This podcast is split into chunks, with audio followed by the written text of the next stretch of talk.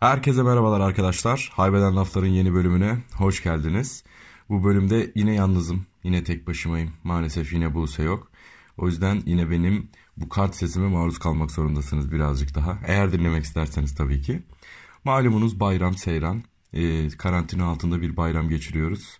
Hiç kimse bir yere gidemiyor. Bu bazıları için çok iyi. Bazıları içinse hüsran demek. Ama bence o kadar da kötü bir mesele değil. Oturup evimizde sağlığımızla, sıhhatimizle rahat rahat keyif yapmak daha güzel diye düşünüyorum. Bugünkü konumuz Bitcoin. Şimdi bu da e, Haybeden Lafların Sevicilik sezonunun son bölümü aslında. İçim biraz da böyle hüzünlü. Ben sevicilikle başlamıştım her şeye. Bu yola ilk çıktığımda harika bir konsept bulduğumu düşünmüştüm. Ama maalesef bir yerde bitmesi gerektiğine de kanaat getirdiğim için artık son bölümü yapıyorum ve son bölümü de en çok ilgilendiğim meselelerden biri üzerine Bitcoin üzerine yapmak istedim aslında. Şimdi başlamadan önce Bitcoin nedir ne değildir diye bir onu tartışmamız lazım ama önce para nedir ne değildir diye bir tartışalım istiyorum. Şimdi aslında baktığımızda para dediğimiz şey bir ilişkidir. Yani para iki bir alıcı ile bir satıcı arasındaki bir ilişkiden başka hiçbir şey de değildir. Parayı Lidyalılar mı bulmuştur? Hayır tabii ki de Lidyalılar bulmamıştır. Bu çok e, güncel tarihin aslında büyük bir meselesi. Yani parayı Lidyalılar buldu demek aslında paranın bir anda bir kişi tarafından böyle oturup ulan bir dakika ya bunu biz böyle yapıyoruz da dur bir şöyle bun, bununla, bununla mı yapsak bundan sonra demesi gibi bir şey gibi algılanıyor. Bu çok yanlış bir terminoloji. Paranın bir ilişki olması zaten e, toplum toplumların tarihinde yani ilkel komünelden belli bir seviyeye kadar geldiklerine kadar işte o paranın asıl e, noktasına geldiklerine kadar ki para bir ilişkidir. Yani para dediğimiz zaman aslında şuna bakmamız lazım. İki insan arasında bir alıcı ve bir satıcı arasında karşılıklı değer atfettikleri bir şey paradır zaten. Lidyalılar sikkeyi bulmuştur o zamana kadar ki hatta Lidyalılar sikkeyi buldular demek de bizim bugüne kadar bulduğumuz sikkelerin en eskisi Lidyalılara dayandığı için Lidyalılar buldu diyoruz. Yani yoksa yarın bir gün mesela başka bir yerde bir sikke bulup bakın işte bu Lidyalıların bulduğundan daha eskiymiş dediğimiz takdirde yine zaten sikkenin tarihi Lidyalılardan başka birine geçmiş olacak. O yüzden para dediğimiz şey bir ilişki. Yani karşılıklı değer atfı dedi diyoruz buna biz. Yani şöyle düşünmek lazım. Aslında yani iki kişi karşılıklı bir araya geldiğinde eğer tavuk üzerinden bir alışveriş yapıyorlarsa para orada tavuktur. Veya takas yapıyorlarsa para takas yaptıkları metadır. Veya herhangi bir şeydir. Bunun ne olduğu önemli değil. O yüzden paraya bir ilişki olarak baktığımız zaman elimizdeki o kağıt parçasından çıkarmış bulunuyoruz ve böyle algıladığımız takdirde de Bitcoin'in ne olup ne olmadığını biraz sonra biraz daha detaylı olarak açıklayacağız. Şimdi paranın bir ilişki olması bizi nereye götürür? Paranın bir e, üst kurum tarafından kabul edilebilir olmasına götürür. Bu ne demektir? Şimdi elimizde 100 TL'lik bir banknot var diyelim. Bu 100 TL'lik banknotu ben alışveriş yaparken atıyorum işte tavuk alıyorum. Bugünün örneği tavuk oldu. Tavuk alıyorum. Tavuk alırken karşımdaki adama 100 TL'yi veriyorum. Şimdi benim 100 TL'yi vermem Burada o adamın 100 TL'yi kabul etmesi burada şunu gösteriyor aslında. Bu 100 TL bir üst kurul tarafından para olarak atfedilmiştir ve ben bu 100 TL ile gidip altın alabilirim veya dolar alabilirim. Yani demek ki para aslında neymiş? Devletlerin bir üst kurul olarak devletlerin ellerinde bulundurduğu altın alabilmem veya dolar alabilmem. Bu eskiden altındı. Yani benim elimdeki kağıt parayı devlet bana ya da bozuk parayla devlet bana şunun garantisini veriyordu. Senin elindeki 100 TL'nin ben kasamda 100 TL'lik bir altın olduğunu sana garantisini veriyorum. Bu şimdi ne oldu? Dolar oldu artık. 1970'lerden sonra bazı meseleler var. Burası çok teknik bir mesele. O meselelerden sonra devletler artık şunun garantisini verir oldular. Ben senin elindeki 100 TL'ye veya işte 100 euroya veya işte 100 marka neyse ne e, dolar olarak bunun kasamda bir karşılığı var demek aslında. O yüzden de bir güven mekanizması olarak bir kurum olduğu için biz bu parayla hızlıca yani elimizdeki altınlarla uğraşmayıp büyük büyük altınlarla uğraşmayıp veya küçük küçük altınlarla uğraşmayıp çünkü aşınabilir, kaybolabilir, işte kırılabilir bilmem ne falan. O yüzden bu kağıt paralarla nasıl olsa bir garantörü var diye hızlı hızlı alışveriş yapabiliyoruz bu elimizdeki metayla. Para da aslında bir meta. Çünkü değişim değeri ve kullanım değeri olan bir meta işte. Şimdi e, buradan Bitcoin'e yavaş yavaş tırmanalım artık. Şimdi elimizdeki 100 TL ile yaptığımız alışverişin her türlü bir kaydı var. Bankalar üzerinden gönderdiğimiz para transferlerinin işte e, satış bir alıcı ile bir satıcı arasındaki yaptığı yapılan her şeyin sonuç olarak bir yerlerde bir kaydı mutlaka tutuluyor. Yani garantör mekanizma buradaki bu garantör mekanizma devlet. Devlet bir şekilde sizin paranızın nereden gelip nereye gittiğini doğrudan veya dolaylı olarak kaydını tutabilir. Siz bankadan 1 milyon dolar birine transfer ettiğinizde bunun kaydına 100 yıl sonra da ulaşabilirsiniz, 200 yıl sonra da ulaşabilirsiniz, şimdi de ulaşabilirsiniz. Paranın kaydının tutulması, para hareketinin kaydının tutulması bize neyi gösteriyor? Bize şunu gösterir. Devlet bir şekilde sizin paranız üzerinden vergi almak e, için çabalayacaktır. Çünkü devletlerin asıl gelir kaynakları vergidir. Bu vergiyi almak için de sizin paranızın kaydını tutmak zorundadır. Sizin paranızın kaydını tutmak zorunda olduğu için de sizin paranız üzerinde bir hükme sahiptir ve bunu vergilendirme yetkisini kendinde bulur. Garantör mekanizma olarak.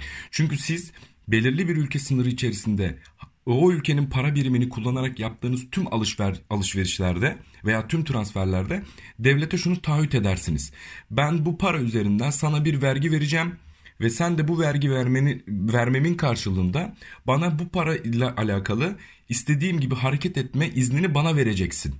Bu işte karşılıklı bir ilişki biçimi ve devletlerin kendini vergilendirme mekanizması. Şimdi buradan hop Bitcoin'e gidelim.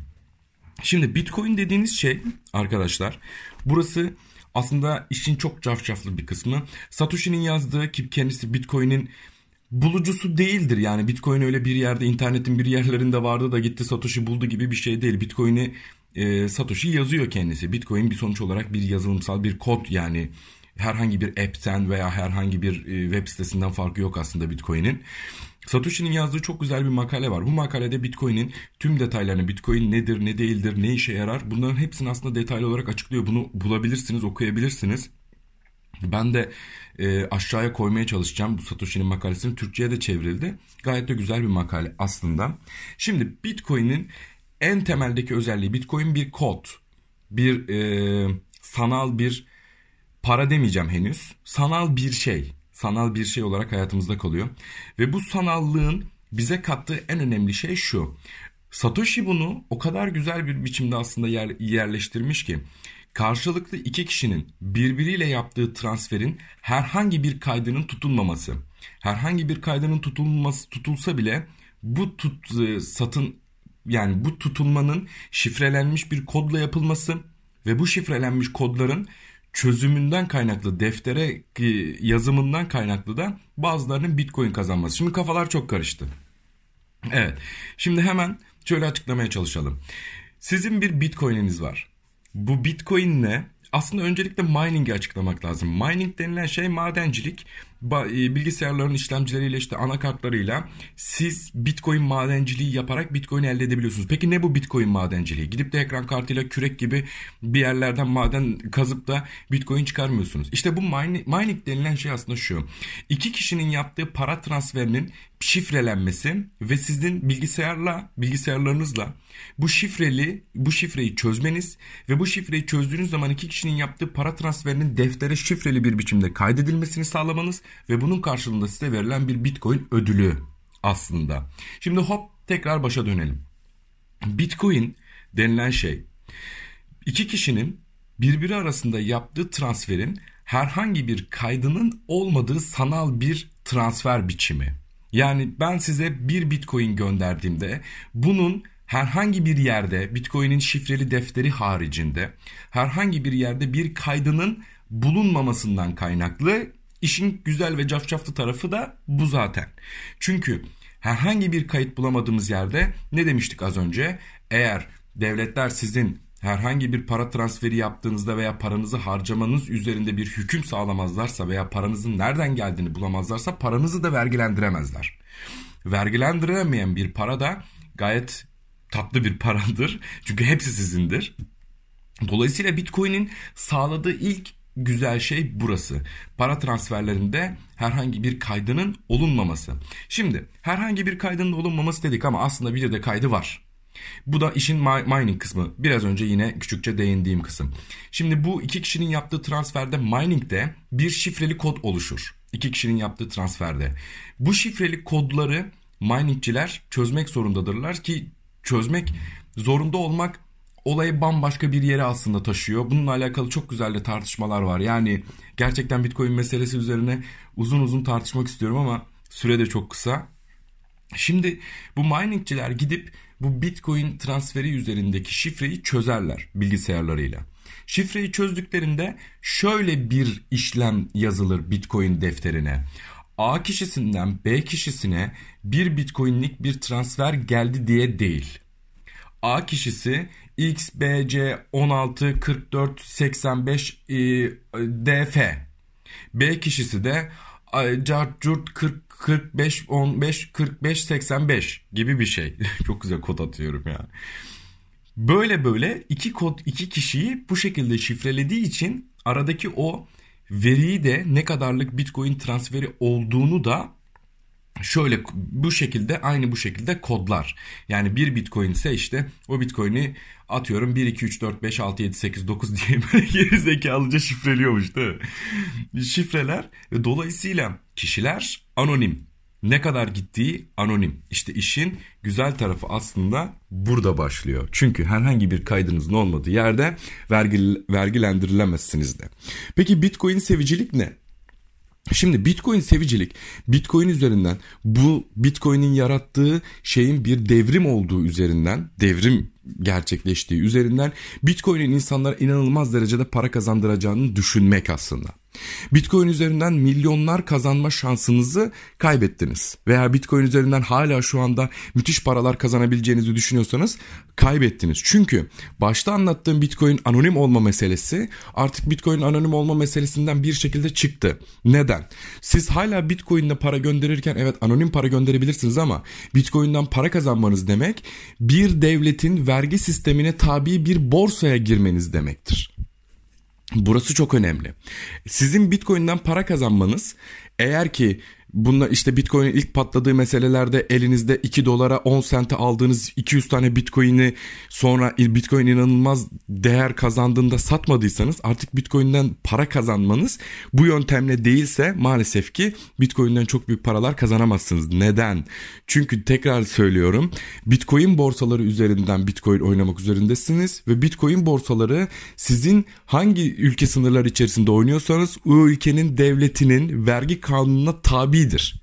Vergi kanununa tabi olması dolayısıyla sizin o para kaydınızın yine bir yerlerde tutulmasıdır. Bitcoin borsalarını devletlerin mutlak yani izin vermelerinin sebebi iki ya şimdi şöyle düşünsenize e, herhangi bir kaydının tutulmadığı bir para var ortada devletler için çok tehlikeli bir şey ama devletler bunun borsasına izin verip insanları o, o sistem üzerinden e, borsa oynamaya izin veriyorlar. Neden? Devletler geri zekalı mı? Hayır değil. Çünkü siz o borsanın içerisine girdiğiniz takdirde paranızı yine vergilendirmiş oluyorsunuz. Yine bir kurum üzerinden paranızı vergilendirmiş oluyorsunuz. İşin de güzel kısmı bu aslında. Bitcoin'i getirmek istedikleri yer de burasıydı. Yani Bitcoin'in bir anda patlayıp e, Bitcoin üzerinden bir umut sattıkları yer işte burasıydı. Bunu yapmak istediler aslında. İnsanların kaçırdığı yer burası. Bitcoin niye bir anda yükseldi? Bitcoin zaten hayatımızda hep vardı duruyordu. Ben üniversiteye gidiyordum hatırlıyorum. Bitcoin üzerinden oyun alırdım veya başka şeyler yapardım. Yine 50 sentti 2 dolardı bilmem neydi yani çok basit e, rakamlardı. Bu rakamlar üzerinden işte alışveriş yapıyorduk biz. Peki bir anda Bitcoin'in bu kadar yukarıya çıkmasının sebebi ne? Çünkü devletlerin orada bir para kaynağının olduğunu görmesi veya büyük şirketlerin orada bir para kaynağının olduğunu görmesi ve bu para kaynağını bir şekilde vergilendirmek istemesinden kaynaklı. Önce Bitcoin üzerinden büyük bir algı yaratılıp bakın Bitcoin artıyor. Siz de çok büyük paralar kazanabilirsiniz. Hadi gelin Bitcoin olun diyerekten insanları Bitcoin'e yönlendirmeleri ve daha sonra Bitcoin borsalarına da izin vererekten bir vergi sistemini açmaları ve insanların Bitcoin üzerinden oynadıkları paradan para kazanmaları. Olaya böyle baktığınız zaman mesele çok başka bir yere gidiyor. Yani aslında kimse size çok büyük bir umut vaat etmiyor. Şu an Bitcoin'den inanılmaz paralar kazanamazsınız. İnanılmaz büyük noktalara gelemezsiniz. Ha. Dolayısıyla yine şunu düşünmek lazım. E, borsa gibi değil Bitcoin'in çalışma prensibi. Yani borsada ne vardır? E, bazı şirketler vardır. Siz bu şirketlerin kar bilançolarını görebilirsiniz. Kamuya yaptığı bildirimleri görebilirsiniz. Gelecek döneme dair planlarını görebilirsiniz. Ar, işte başka bir şirketi satın alacaksa onu görebilirsiniz. Satacaksa onu kendi şirketini satacaksa onu görebilirsiniz. Halka ne kadar daha borsaya arz edeceğini her şeyini görebilirsiniz. Her şey bir kayıt altında borsada. Dolayısıyla borsanın temel prensibinde birazcık daha böyle e, borsa oynarken aslında sistem biraz daha kontrollüdür. Yani bir anda batmak veya bir anda çıkmak biraz daha zordur. Vardır tabii ki örnekleri vardır ama bu iş o kadar da kolay değildir. Yani sizin atıyorum 1 milyonunuz varsa 1 milyonunuzu bir saat sonra Bitcoin şeyde e, borsada kaybetmeniz çok da kolay değildir yani. Ama örnekleri vardır tekrar ediyorum. Ama Bitcoin üzerinde bunların yine hiçbirini göremiyorsunuz. Bitcoin üzerinde sadece iki tane şey var. Bitcoin borsalarını engelleyen arz ve talep. Arz ve talep kapitalizmin kilit iki tane kelimesidir. Ne kapitalizmde bir şey açıklayamıyorsan arz ve talep de geç. Zaten o kendi kendini yolunu bulur yani. Dolar mesela dolar niye artıyor diye sor. Git sokağa çık de dolar niye artıyor de kimsenin bir cevabı yok. Arz ve talep diye yapıştır ha tamam der herkes. Zannediyor ki insanların hepsi dolar alınmaya art başlandığı zaman dolar artıyor. Dolar satılmaya başlandığı zaman dolar düşüyor. E o zaman geri zekalı mıyız biz hiçbirimiz dolar almayalım dolar yükselmesin yani. Böyle bir mantık olabilir mi? Hani kimsenin dolar ihtiyacı olmasın. O zaman tamam beyler örgütlenelim aramızda. Bakın lan kimse dolar almasın falan diyelim böyle. Kimse dolar almasın o zaman dolar yükselmesin. Böyle bir mantık yok. Ama dediğim gibi kapitalizmde bir şey açıklayamazsanız ardından talep deyin yani açıklarsınız. Neyse Bitcoin üzerine gelelim. Bitcoin'deki sağ tek şey var ki borsalarda Bitcoin'in yükselmesi ve azalmasına dair arz ve talep. Kaç kişinin Bitcoin almak için e, talep ettiği, kaç kişinin Bitcoin'i satmak için arz ettiği meselesi var. Bu kodları okuyaraktan aslında Bitcoin borsaları üzerinden oynayabiliyorsunuz. Ama işte bu işin tehlikeli kısmı şurası. İnsanlar bir anda çok büyük paralarla içeriye girip bir anda çok büyük boşaltmalarla çıktıkları içinde inanılmaz bir dalgalanmaya çok açık. Yani büyük parası olan insanlar Bitcoin borsaları üzerinden çok büyük dalgalanmalar yaratabiliyorlar ve aslında küçük balıkları çok hızlı bir şekilde de yutabiliyorlar. O yüzden Bitcoin sevicileri bu program üzerinden zaten uyarmak istediğim tek yegane yer burasıydı. Eğer çok büyük paralarınız yoksa, milyon dolarlara hükmetmiyorsanız, gerçekten ciddi bir yatırım e, uzmanı değilseniz Bitcoin üzerinden para kazanamazsınız. Sizin o var olan küçük paranızı da emerler yutarlar biterler. Yani sizin Bitcoin'den yaptığınız 50 liralık kar kar değil. Ya da 1000 lira yatırmışsınız da işte efendim 100 lira almışsınız bu da kar değil. Birileri orada milyon dolarları ceplerine indiriyorlar. Siz sadece onların milyon dolarları indirmeleri için ceplerine bir yemsiniz. Sizi ufak bir yemliyorlar. Tekrar e, kendileri daha büyük paralara hükmediyorlar aslında. Bu Bitcoin sevici arkadaşlara öncelikle bunu söylemek istiyorum. Yani siz Bitcoin borsalarında ciddi anlamda milyon dolarlarınız yoksa gerçekten bir tavuk yemişsiniz yani. Başka da hiçbir şey değil. Buralardan da çok büyük paralar yapacağım. Çok büyük karlar edeceğim. Aman aman da uçacağım. Bin lira yatıracağım. Yarın bir milyonum olacak o paranın demesinin hiçbir mantığı yok. Çünkü hiç kimse bunu yapmayacak. E, o tren çoktan kaçtı. Devletler size o treni çoktan kaçırttırdılar. Siz artık Bitcoin'den sadece bir umut e, elde edebiliyorsunuz. Bitcoin'in bugün geldiği nokta sayısal lotodan hiçbir farkı yok aslında. Bitcoin sayısal loto gibi bir şey şu an. Yani sayısal lotoda umut satıyor. Bitcoin'de umut satıyor. İkisinden de hiçbir şey olmayacağı belli. Yani gidip bir tane sayısal loto kuponu oynayıp da yarın zenginim diyebiliyor musunuz? Hayır. Şansınız var mı? Evet. Bitcoin'de öyle mi? Hayır. Bitcoin sayısal lotodan daha kötü bir yerde diyebilirim aslında bu örnekle birlikte. O yüzden Bitcoin sevici arkadaşlarım, dostlarım kendilerinize bu küçük pazarda, bu küçük e, yerde çok fazla da umut vaat etmeyin. Kendinize birazcık daha dikkat edin. Elinizdeki var olan paranın önemini anlayın gidip bunu bitcoin e, alıp da işte heba etmeyin kendinize. Birazcık daha dikkatli olun demek istiyorum size. Sonuç olarak neyse bu konuyu da burada kapatayım. Herkes anlayan anlamıştır umarım. Kısaca bir bitcoin anlatmaya çalıştım. Borsalarla olan mantığını anlatmaya çalıştım. Para nedir ne değildir bunu anlatmaya çalıştım falan filan derken size bir veda buklesim ne denir onu? Veda edeyim. Ee, bu zamana kadar haybeden laflar bin kişinin üzerinden dinlendi. Ee, aslında bazı listede Spotify'da bazı listelere girdi çıktı. Özellikle Culture listesine girdi çıktı. Ee, bu kadar kısa sürede bu, bu noktaya geleceğimi hiç düşünmüyordum. Ben de zaten 10 bölüm yaparım. 10 bölümü de 10 kişi dinler. Mesele kapanır diye düşünüyordum.